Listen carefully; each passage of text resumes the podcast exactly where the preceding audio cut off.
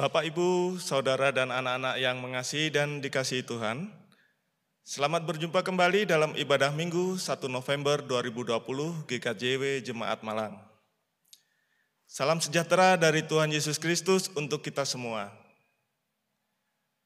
Ibadah kita masih dilaksanakan secara online di rumah kita masing-masing.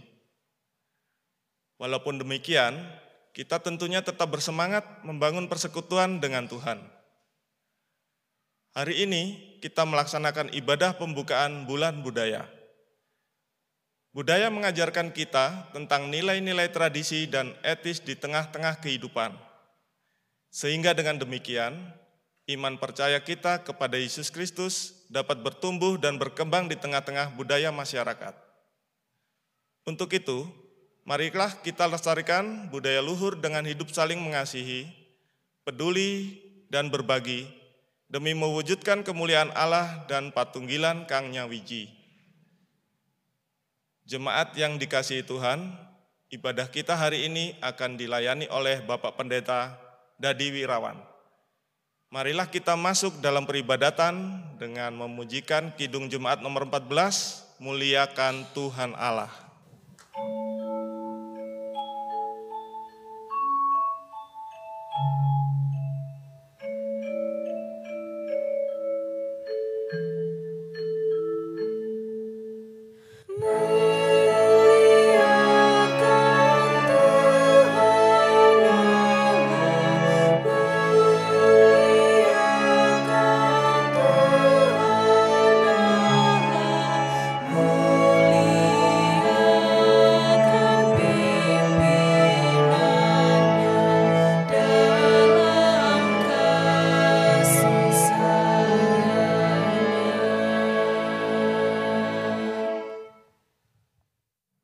Terkasih, ibadah pembukaan bulan budaya pada minggu ini mari bersama-sama kita lakukan dengan mengingat yang demikian.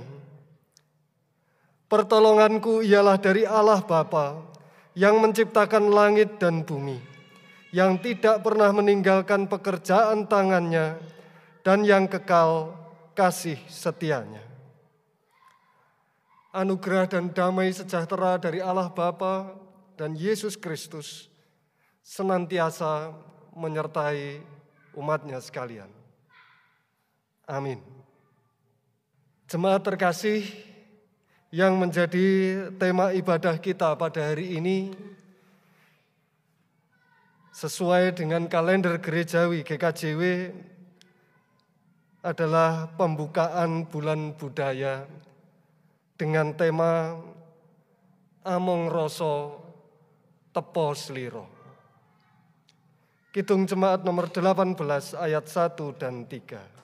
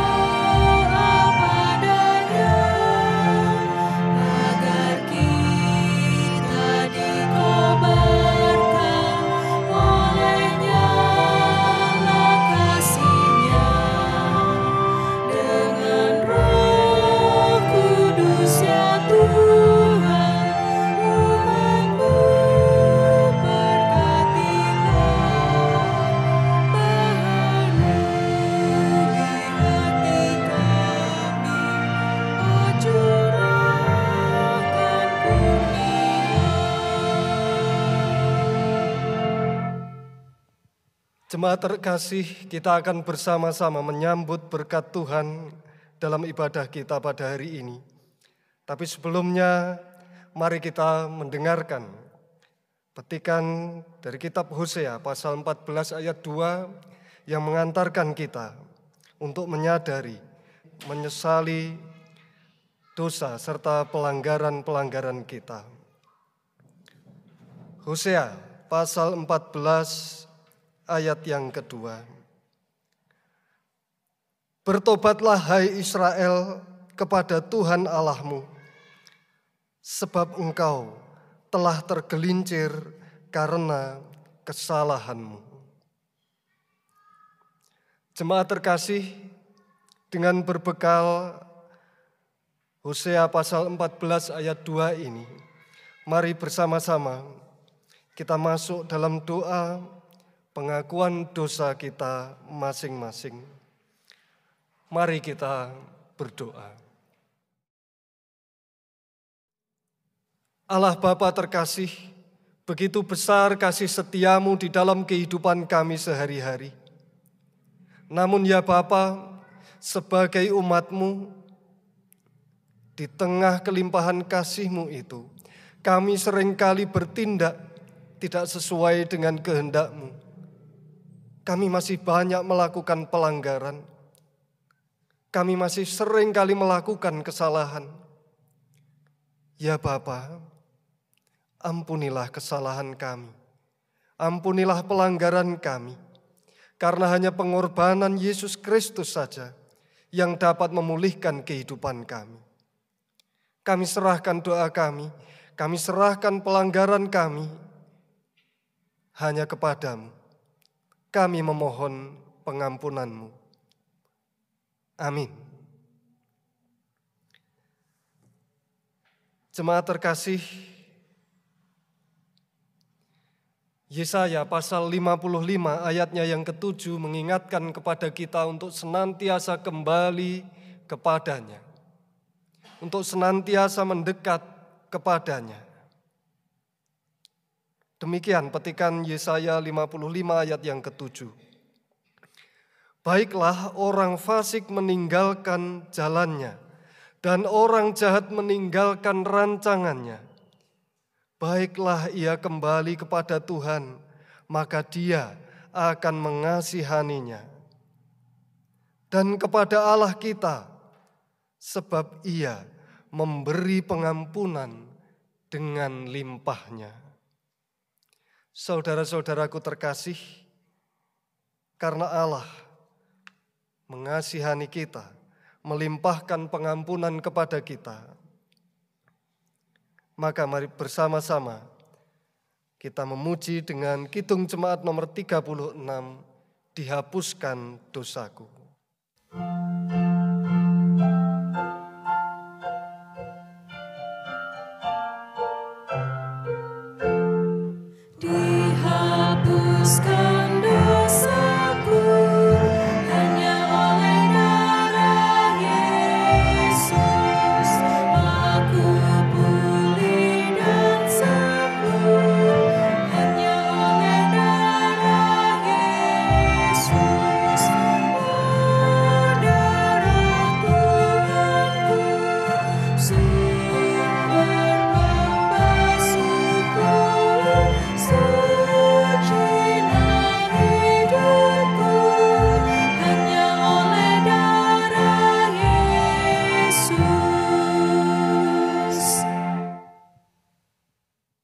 yang dikasih oleh Tuhan, pada hari ini kita akan bersama-sama mendengarkan firman Tuhan yang diambil dari Injil Matius pasal 23 ayat 1 sampai 12. Namun sebelumnya mari kita berdoa.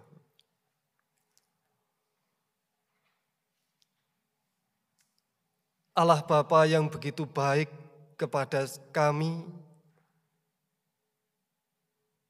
Kami mengucap syukur karena limpahan kasih-Mu yang mengampuni segenap pelanggaran kami. Maka ya Bapa, Isilah hati kami dengan firman-Mu. Isilah hati kami dengan terang firman-Mu. Sehingga kami dapat menjalani kehidupan kami sesuai dengan kehendak-Mu. Bersabdalah ya Bapa, kami anak-anak-Mu mendengarkan firman-Mu. Amin. Firman Tuhan yang akan kita baca diambil dari Injil Matius 23 ayat 1 sampai dengan ayat yang ke-12 yang demikian firmannya. Yesus mengecam ahli-ahli Taurat dan orang-orang Farisi.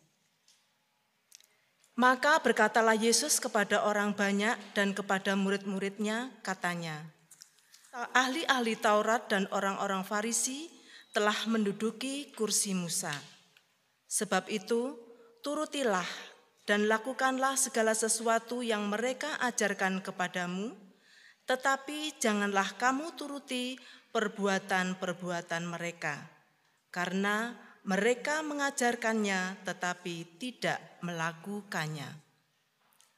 Mereka mengikat beban-beban berat, lalu meletakkannya di atas bahu orang tetapi mereka sendiri tidak mau menyentuhnya.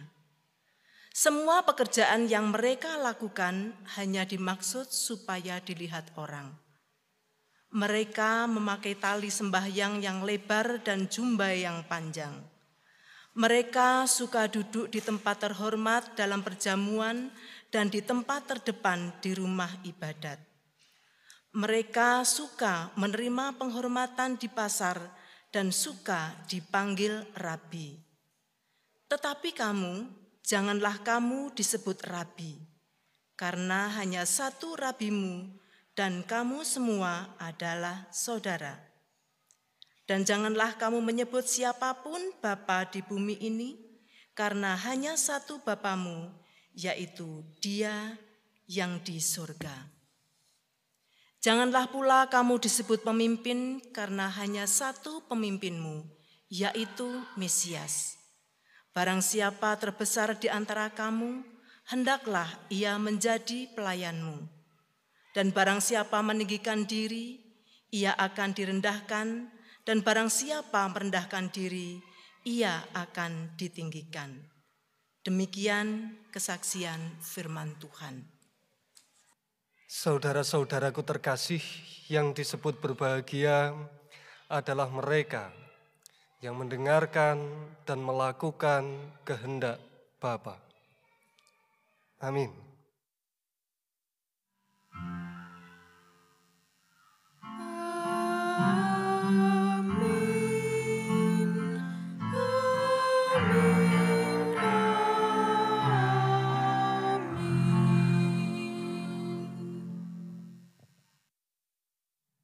Jemaat yang dikasihi oleh Tuhan, judul kita pada hari ini adalah berbudaya berintegritas.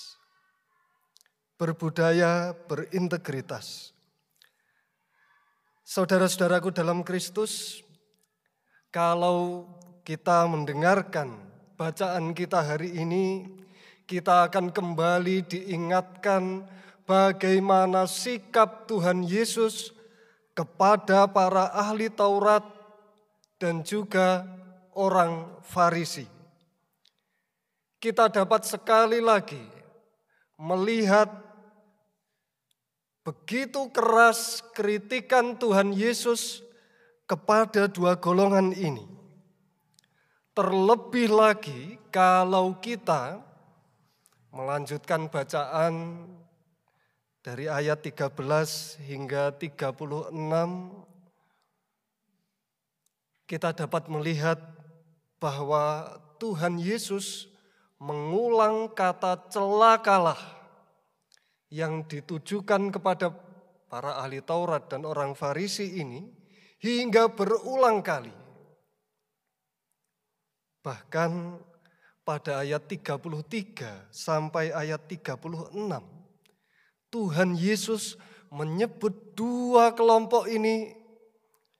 Yang pertama sebagai keturunan ular beludak. Yang kedua disebut sebagai orang-orang yang tidak akan dapat lepas dari neraka. Dan yang berikutnya disebut sebagai orang-orang yang menanggung pertumpahan darah orang-orang yang tidak berdosa. Tidak hanya yang kemarin saja, tidak hanya minggu kemarin saja, tahun kemarin saja, tidak. Melainkan mulai dari zaman Habel hingga zaman Zakaria. Darah orang tidak berdosa yang tertumpah akan ditanggung oleh dua golongan ini. Kita dapat bayangkan betapa mengerikannya nasib atau tanggungan dari ahli Taurat dan orang Farisi ini. Mereka jauh dari keselamatan. Tetapi saudara-saudaraku terkasih,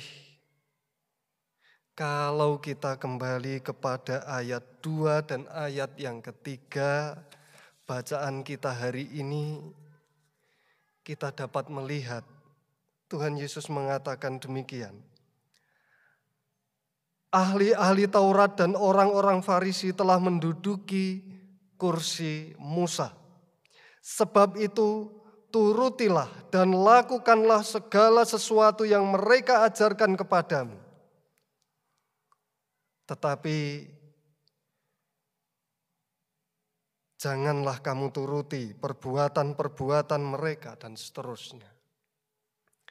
Jemaat terkasih, dengan ungkapan ini kita dapat memahami bahwa sejahat apa pun orang Farisi, sejahat apa pun ahli Taurat, seburuk apa pun kehidupan mereka, segelap apa pun perilaku mereka, Tuhan Yesus masih memandang ada yang istimewa di dalam kehidupan mereka.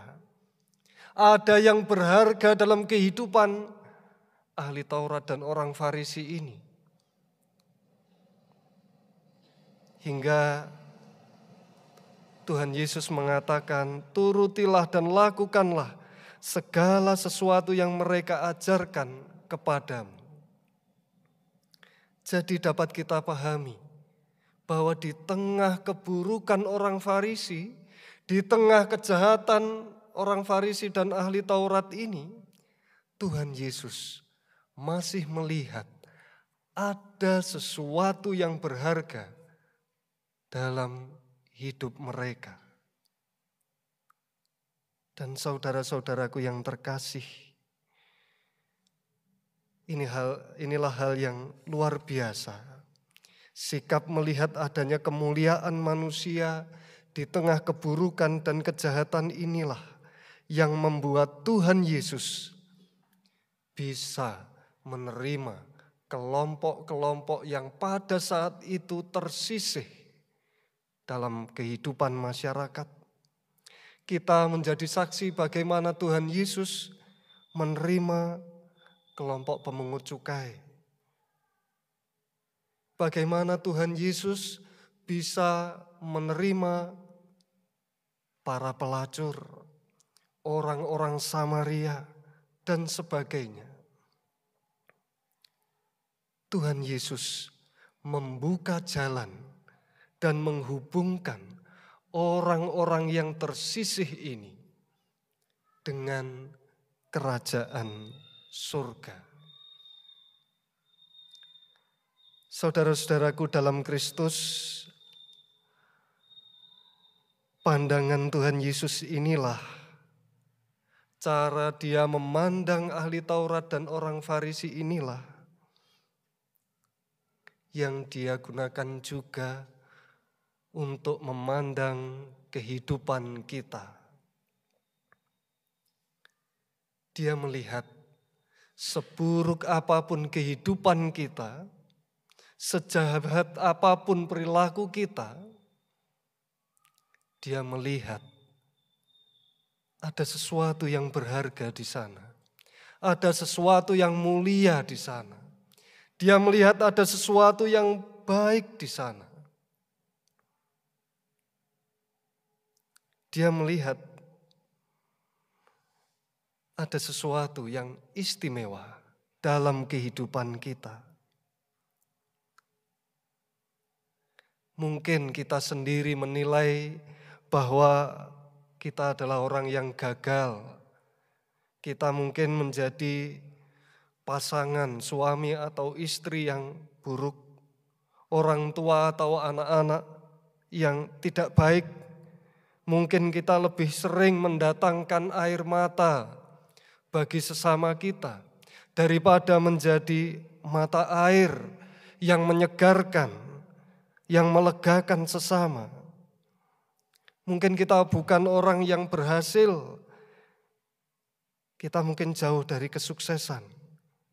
Tetapi saudara-saudaraku, sebagaimana Tuhan Yesus melihat ada yang berharga dalam kehidupan orang Farisi dan ahli Taurat, demikian juga dia melihat ada yang berharga, ada yang mulia di dalam kehidupan kita masing-masing.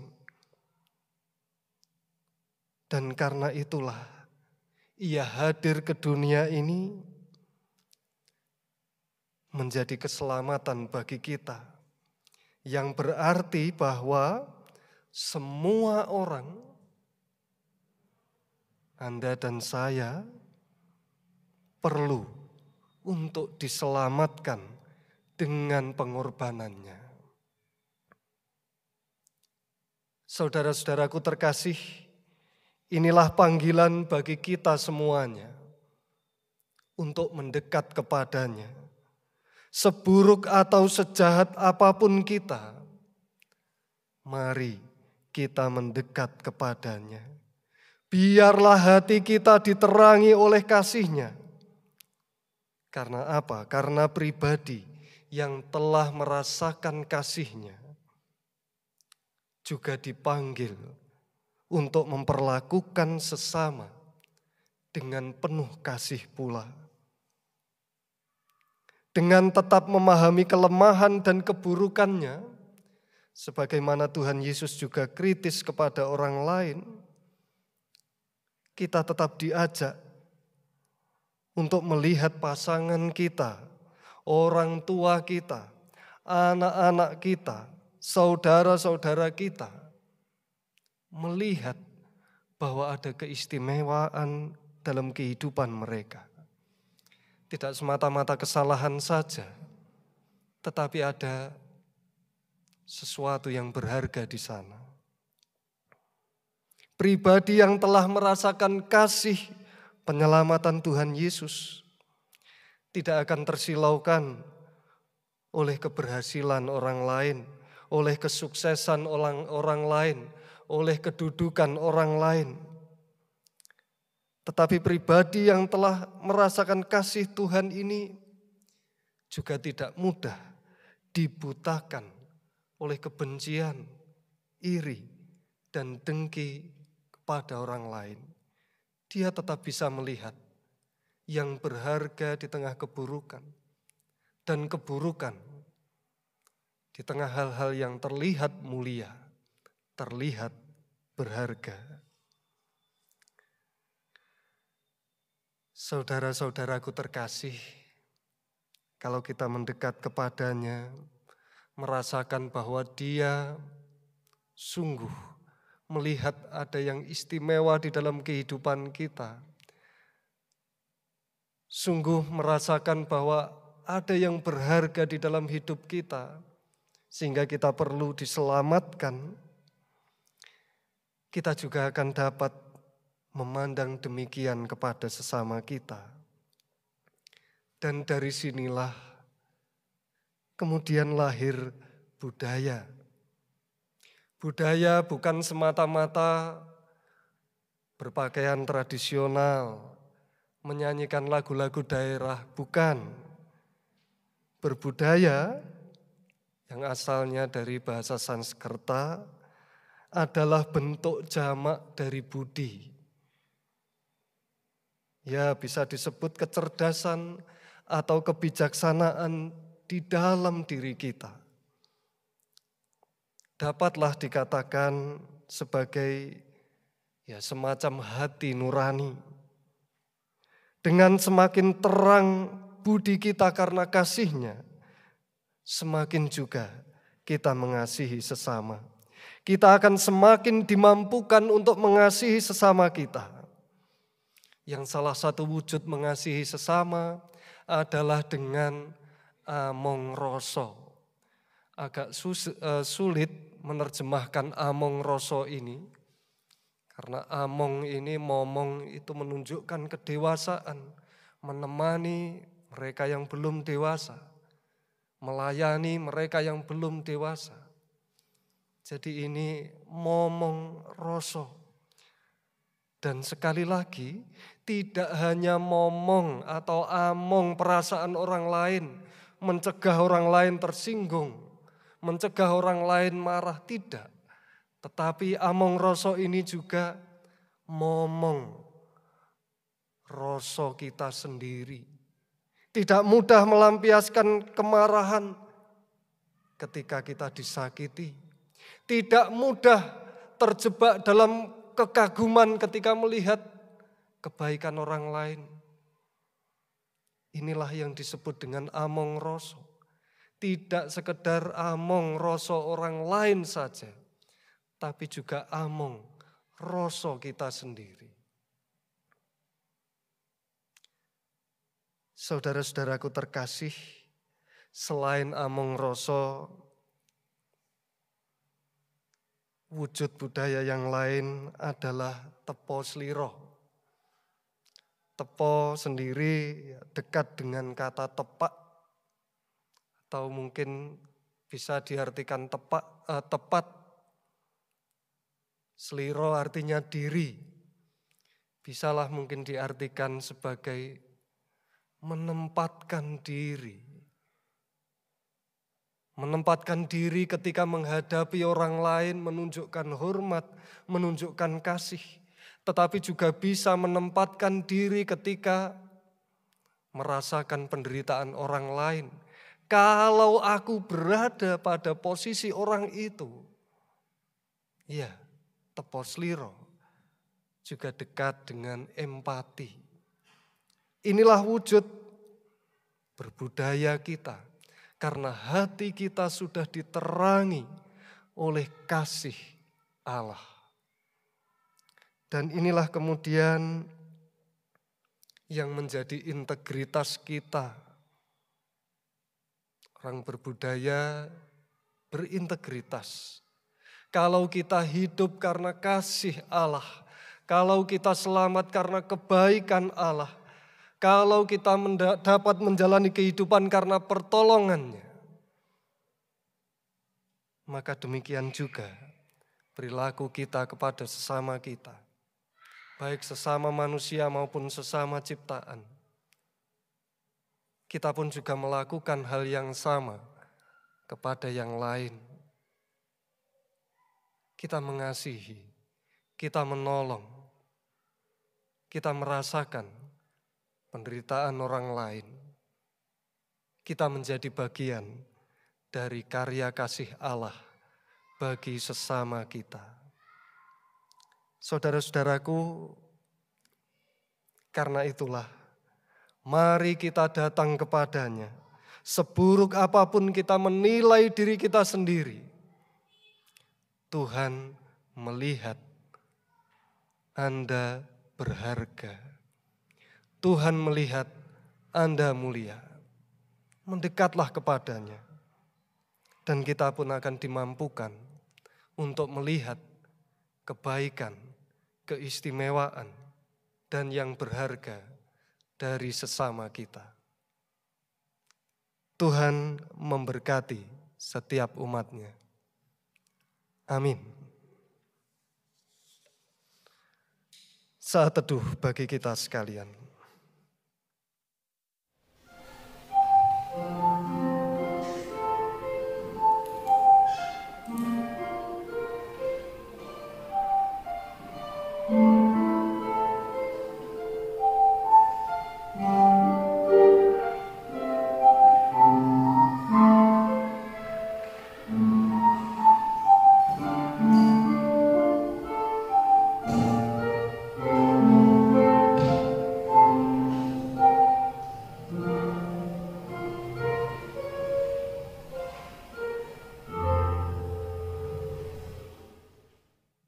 Kidung Jemaat nomor 400 ayat 1 dan 3.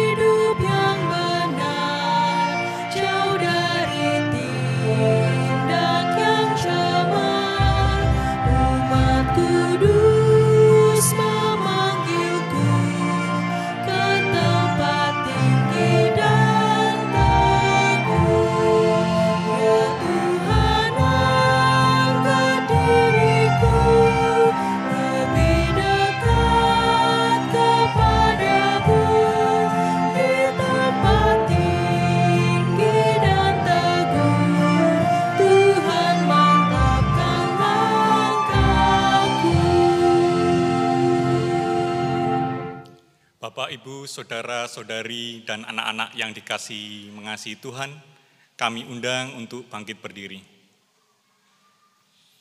Bersama-sama dengan orang beriman di seluruh dunia, mari kita memperbarui iman kita dengan mengikrarkan pengakuan iman rasuli yang demikian. Aku percaya kepada Allah Bapa yang Maha Kuasa, kali langit dan bumi, dan kepada Yesus Kristus anaknya yang tunggal Tuhan kita, yang dikandung daripada Roh Kudus, lahir dari anak darah Maria, yang menderita di bawah pemerintahan Pontius Pilatus, disalibkan, mati dan dikuburkan, turun ke dalam kerajaan maut. Pada hari yang ketiga, bangkit pula dari antara orang mati, naik ke surga, duduk di sebelah kanan Allah, Bapa yang Maha Kuasa, dan akan datang dari sana untuk menghakimi orang yang hidup dan yang mati. Aku percaya kepada Roh Kudus, gereja yang kudus dan am, persekutuan orang kudus, pengampunan dosa, kebangkitan daging, dan hidup yang kekal. Amin. Jemaat dipersilahkan duduk kembali. Kita akan bersama-sama mendengarkan persembahan pujian dari paduan suara jemaat dengan judul Ingsun.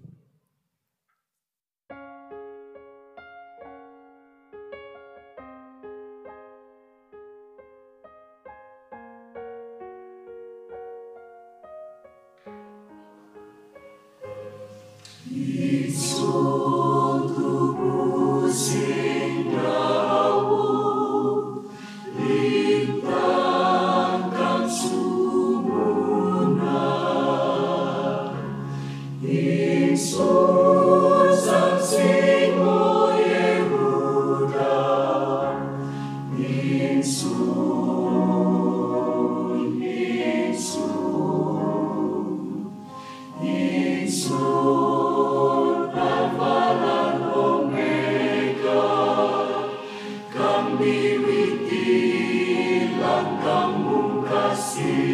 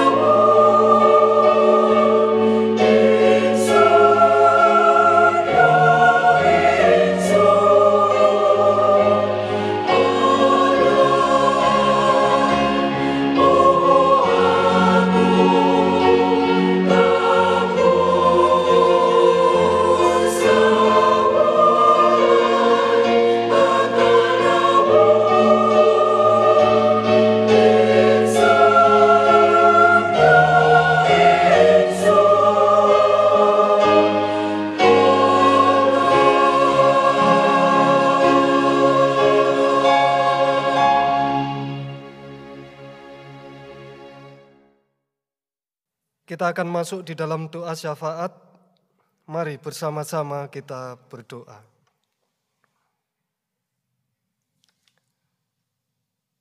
Allah Bapa terkasih,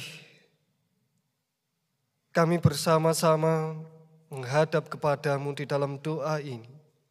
Untuk memohon kepadamu, berilah kami kekuatan untuk mengikuti apa yang menjadi kehendakmu untuk melakukan apa yang menjadi pengajaranmu, sehingga sungguh melalui kami semua, kasih setiamu nyata di tengah-tengah dunia ini, sehingga melalui kami semuanya, kerajaan surga sungguh terwujud dan dirasakan oleh dunia ini.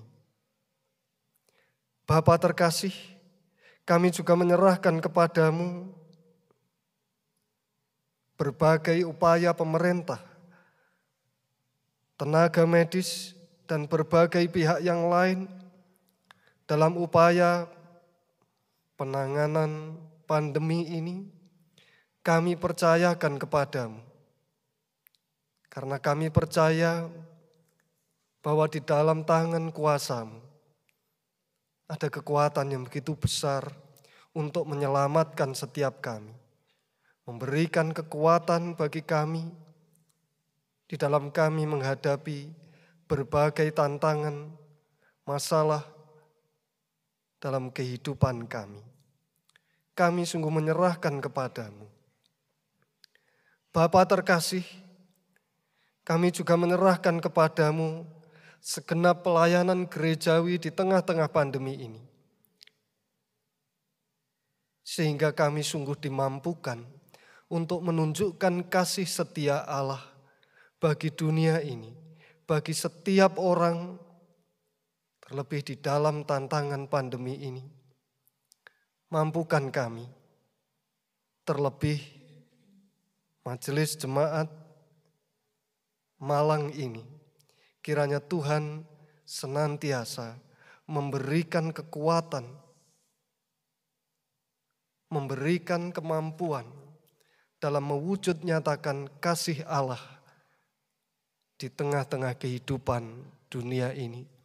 Bagi segenap warga dengan segenap pergumulannya masing-masing, kami percaya bahwa Tuhan yang mendengar setiap permohonan, Tuhan yang mendengar setiap pengharapan, Tuhan yang mendengar doa-doa yang tersimpan bahkan di dalam hati paling kecil pun, memberikan kekuatan, memberikan pengharapan, memberikan pertolongan, memberikan jawaban atas setiap persoalan, kesulitan hidup setiap umatnya. Pakai kami semua bersama-sama untuk menjadi persekutuan yang saling menguatkan satu dengan yang lain, yang saling menolong, saling menopang, sehingga di dalam kami menjalani kehidupan kami, sungguh nyata wujud persekutuan di tengah-tengah kami persekutuan yang diikat oleh kasih Allah. Ya Bapa, kami serahkan doa ini dengan menyebut nama Yesus Kristus yang telah mengajar kami berdoa. Bapa kami yang di surga, dikuduskanlah namamu, datanglah kerajaanmu, jadilah kehendakmu di bumi seperti di surga. Berikanlah kami pada hari ini makanan kami yang secukupnya, dan ampunilah kami akan kesalahan kami, seperti kami juga mengampuni orang yang bersalah kepada kami. Dan janganlah membawa kami ke dalam pencobaan, tapi lepaskanlah kami daripada yang jahat, karena Engkaulah yang punya kerajaan dan kuasa dan kemuliaan sampai selama-lamanya. Amin. Bapak, Ibu, dan Saudara, serta anak-anak yang dikasihi Tuhan, mari bersama-sama menyerahkan persembahan kepada Tuhan. Sebagai ungkapan syukur atas segala berkat dan karunia yang selalu Tuhan cukupkan untuk hidup kita setiap hari. Firman Tuhan yang mendasari persembahan kita diambil dari kitab Mazmur pasal 30 ayat yang kelima yang berbunyi demikian. Nyanyikanlah Mazmur bagi Tuhan, hai orang-orang yang dikasihinya, dan persembahkanlah syukur kepada namanya yang kudus. Bersamaan dengan kita mengumpulkan persembahan, kita memuji nama Tuhan dari Kidung Jemaat 298 bait yang pertama dan yang kedua.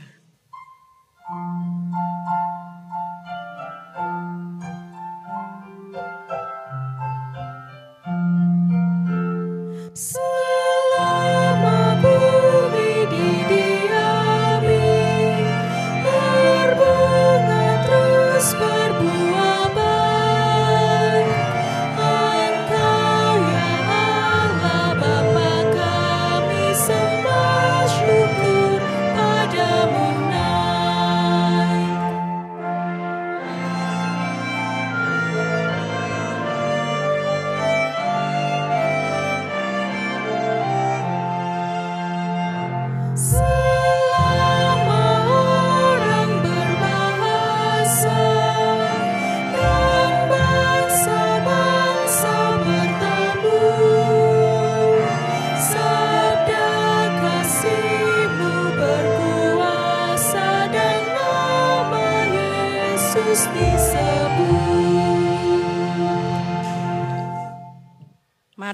Serahkan persembahan kita dalam doa. Mari kita berdoa. Tuhan Yesus yang Maha Kasih, sungguh kami mengucap syukur atas segala berkat dan karunia yang telah Engkau berikan kepada kami. Sebagai ungkapan syukur atas kemurahan Tuhan kepada kami, kami telah mengumpulkan persembahan. Kiranya Tuhan berkenan menerima dan memberkati persembahan kami ini agar dapat dipakai sebagai pelayanan kasih dan pelayanan firman Tuhan di gereja kami. Ajarilah kami untuk menggunakan berkat-Mu yang masih ada pada kami dengan penuh rasa tanggung jawab. Begitu juga dengan tangan-tangan yang Tuhan pilih untuk mengelola persembahan ini. Kiranya Tuhan berkati dengan hikmat agar dapat mengelola dengan bertanggung jawab dan rasa takut akan Tuhan. Kami juga berterima kasih atas firman-Mu yang sudah kami dengar. Kiranya Tuhan berkati agar kami menjadi pelaku firman yang baik. Demikian ungkapan syukur dan doa kami yang kami pinta dalam nama Tuhan Yesus. Amin. Saudara-saudara terkasih, mari kita undur dari ibadah kita kali ini. Kita menjalani kehidupan di tengah-tengah keluarga, di tengah masyarakat, di tengah lingkungan kerja kita masing-masing dengan tetap menjadi penurut-penurut Allah seperti anak-anak yang kekasih dan senantiasa hiduplah dalam kasih.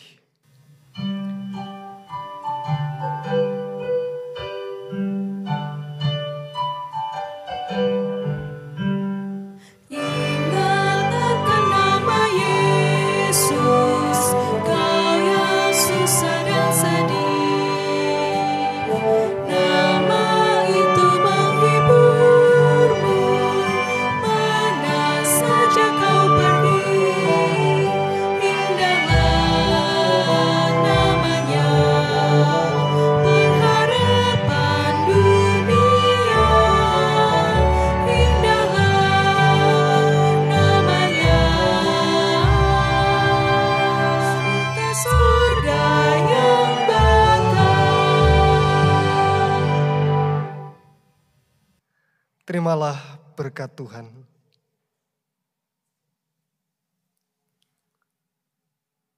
Anugerah dan damai sejahtera yang datangnya dari Allah Bapa, Yesus Kristus, dan Roh Kudus senantiasa melimpahi segenap umatnya, mulai dari saat ini sampai selama-lamanya. Amin.